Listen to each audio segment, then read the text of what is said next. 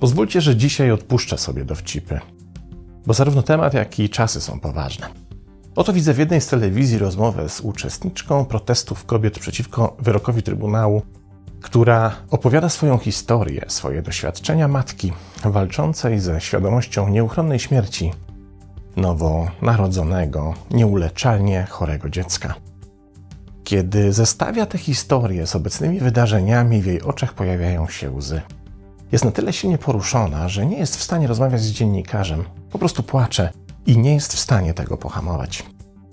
Kiedy zobaczyłem ten materiał, oprócz oczywistej złości na to, co się dzieje i poczucia niezgody na krzywdę kobiet, pomyślałem sobie, że istnieje też obszar, w którym często nie wiemy, jak zareagować, jak się zachować, co zrobić.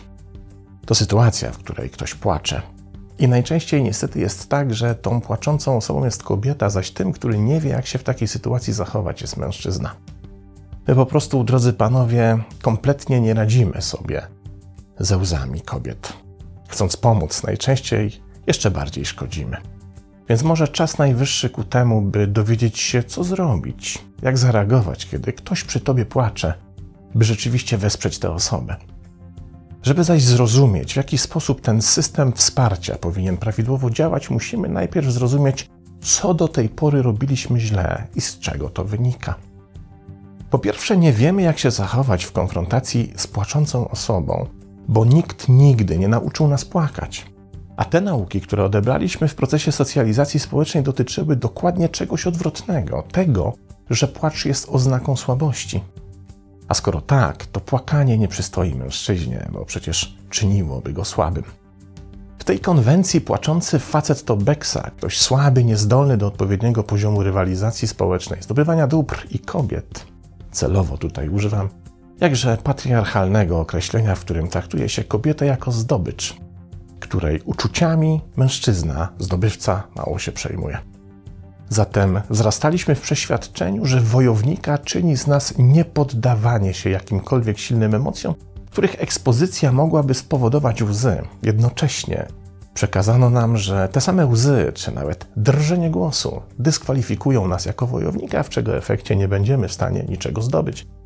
Bo przecież zdobycze należą się wyłącznie wojownikom, którzy je sobie wywalczyli.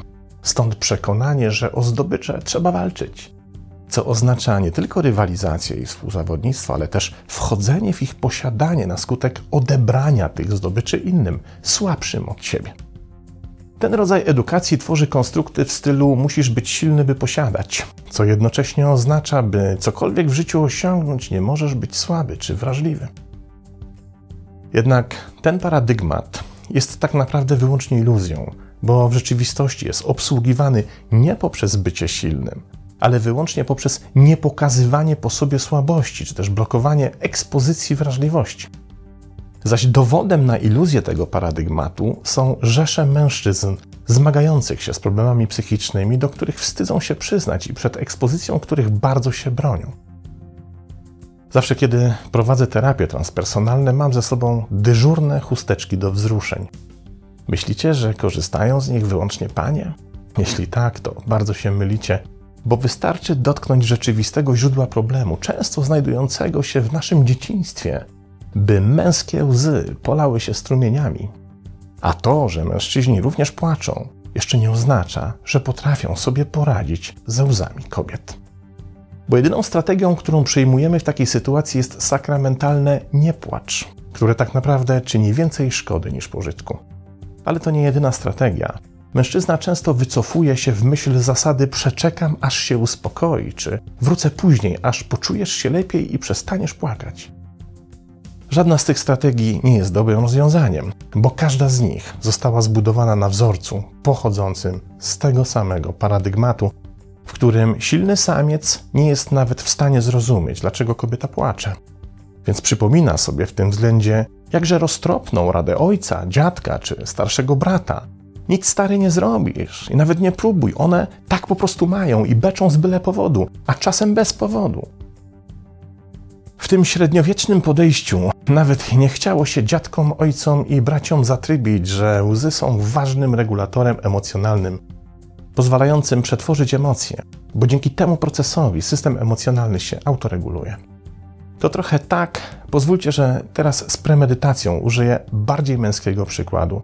Jak drogi kolego przejeżdżasz swoją furą przez ubłocone wertepy i ci się szyba zachlapie błotem. Żeby jechać dalej, musisz zmyć błoto z szyby, bo inaczej nic nie widzisz, prawda? To właśnie się wówczas dzieje w systemie. Łzy wypłukują emocjonalne toksyny powstałe na przykład na skutek odczuwania bezsilności wobec nierównego, przedmiotowego czy odczłowieczającego traktowania. System się czyści, bo w ten sposób odzyskuje jasność widzenia oraz równowagę.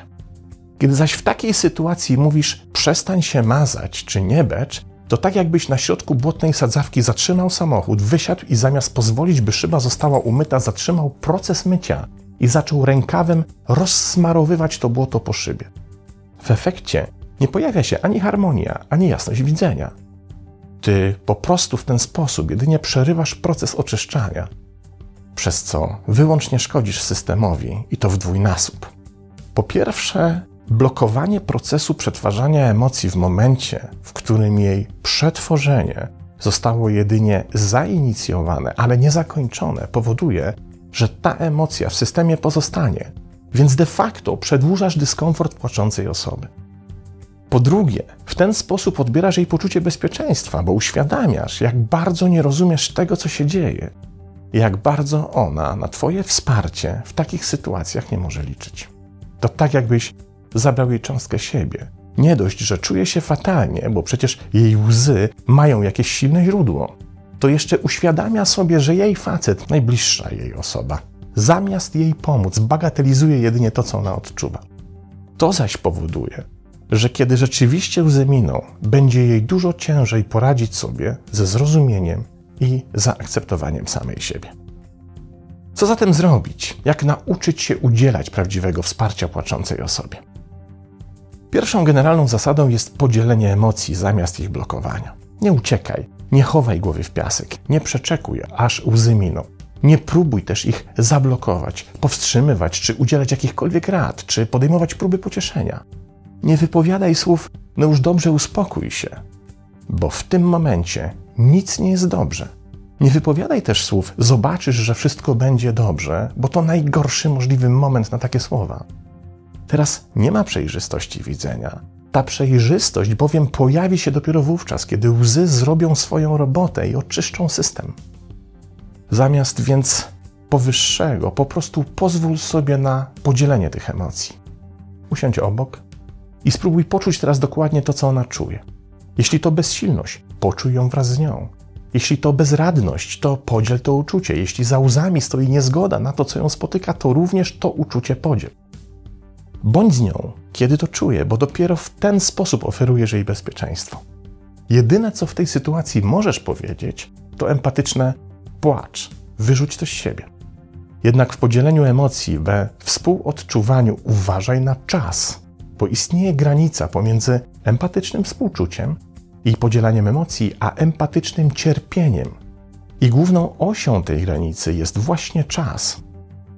W swojej książce Bilansowanie konta kosztów empatii, strategie regulowania reakcji empatycznych Sarah Hodges i Robert Biswas-Dinner wskazali wyniki badań, które pokazują, że istnieje próg współczującej empatii, po której zamienia się ona we wspólne odczuwanie cierpienia. Bo prawdziwe wsparcie nie polega na tym, by pogrążyć się we wspólnym cierpieniu, ale by potrafić doświadczyć tych samych emocji, ale jednocześnie wesprzeć proces ich przetworzenia. Zatem prawdziwe wsparcie, oprócz współodczuwania, jest również zaoferowaniem siły i energii, by z danej emocji wyjść. Ten proces zatem musi trochę potrwać, ale nie może trwać nieskończoność. Zresztą szybko się zorientujesz, jak ten mechanizm działa, kiedy zarejestrujesz, że poziom emocji wywołujących płacz po drugiej stronie powoli się obniża.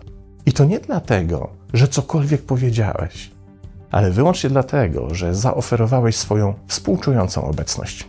Bo jak pisze doktor psychologii Marcia Reynolds w swoich dwóch świetnych książkach Strefa dyskomfortu oraz Wonder Woman, Wszyscy płaczący wychodzą z płaczu, jeśli dasz im bezpieczną przestrzeń do przetworzenia i złagodzenia stresu, który wywołał ich łzy. Zatem prędzej czy później pojawi się moment, kiedy płacz zacznie tracić na sile, a płacząca osoba wypowie jeden z poniższych zwrotów: dobrze, okej, okay, w porządku, lub wykona gest o podobnym znaczeniu. To oczywiście nie oznacza, że jest dobrze, okej, okay, w porządku, ale wyłącznie to, że proces przetwarzania emocji przeszedł do kolejnego etapu. W nim zaś często pojawia się milczenie, któremu również często towarzyszy pozycja nieruchoma lub znaczna oszczędność ruchów, gestykulacji czy jakichkolwiek innych przejawów motorycznych. To etap, w którym płacząca dotąd osoba przestaje płakać, ale jeszcze nie ma ochoty na jakąkolwiek rozmowę. Uszanuj to Pobądź z nią w tej ciszy. Niech poczuje Twoją energetyczną bliskość oraz bezpieczeństwo, które jej w ten sposób oferujesz. I dopiero kiedy zaobserwujesz, że pojawiła się w miarę normalna ruchowa aktywność, czy też, że nieporuszenie zaczyna ustępować miejsca gestykulacji, na przykład poprawiania włosów, ubrania, rozglądania się za kolejną chusteczką, dopiero wówczas możesz delikatnie zapytać, czy chce się z Tobą podzielić tym, co myśli, ale bez naciskania i z pełnym poszanowaniem tego, jeśli w odpowiedzi potrząśnie przecząco głową. Ona nie mówi ci w ten sposób, że nie chce z tobą o tym rozmawiać, a jedynie to, że obecnie na taką rozmowę nie jest jeszcze gotowa. Wtedy zaczekaj i daj jej przestrzeń. Kiedy uzna, że jest bezpieczna i że ma w tobie prawdziwe wsparcie, wtedy wróci do tej rozmowy. Na koniec nie próbuj jej rozweselać, nie ingeruj w jej nastrój. Pozwól, by życie toczyło się dalej. Kiedy wówczas podasz jej lampkę ulubionego wina, zareaguje na pewno lepiej niż wówczas, gdy na siłę będziesz próbował jej opowiadać stare dowcipy. To nie takie trudne, prawda, drodzy panowie? Wystarczy odłożyć na chwilę miecz i hełm wojownika i przypomnieć sobie te wszystkie chwile w waszym życiu, w których chcieliście wyć i dusiliście te emocje w środku, udając chojraków. A jeszcze jedno na koniec, coś niezwykle ważnego. Pamiętajmy, że emocjonalna obsługa cudzych łez, empatia, współczucie, zrozumienie i bezpieczeństwo to jedno. Ale jest jeszcze druga strona medalu. To takie życie, podejmowanie takich decyzji i działań, by nikt nigdy przez ciebie nie musiał płakać. Pozdrawiam.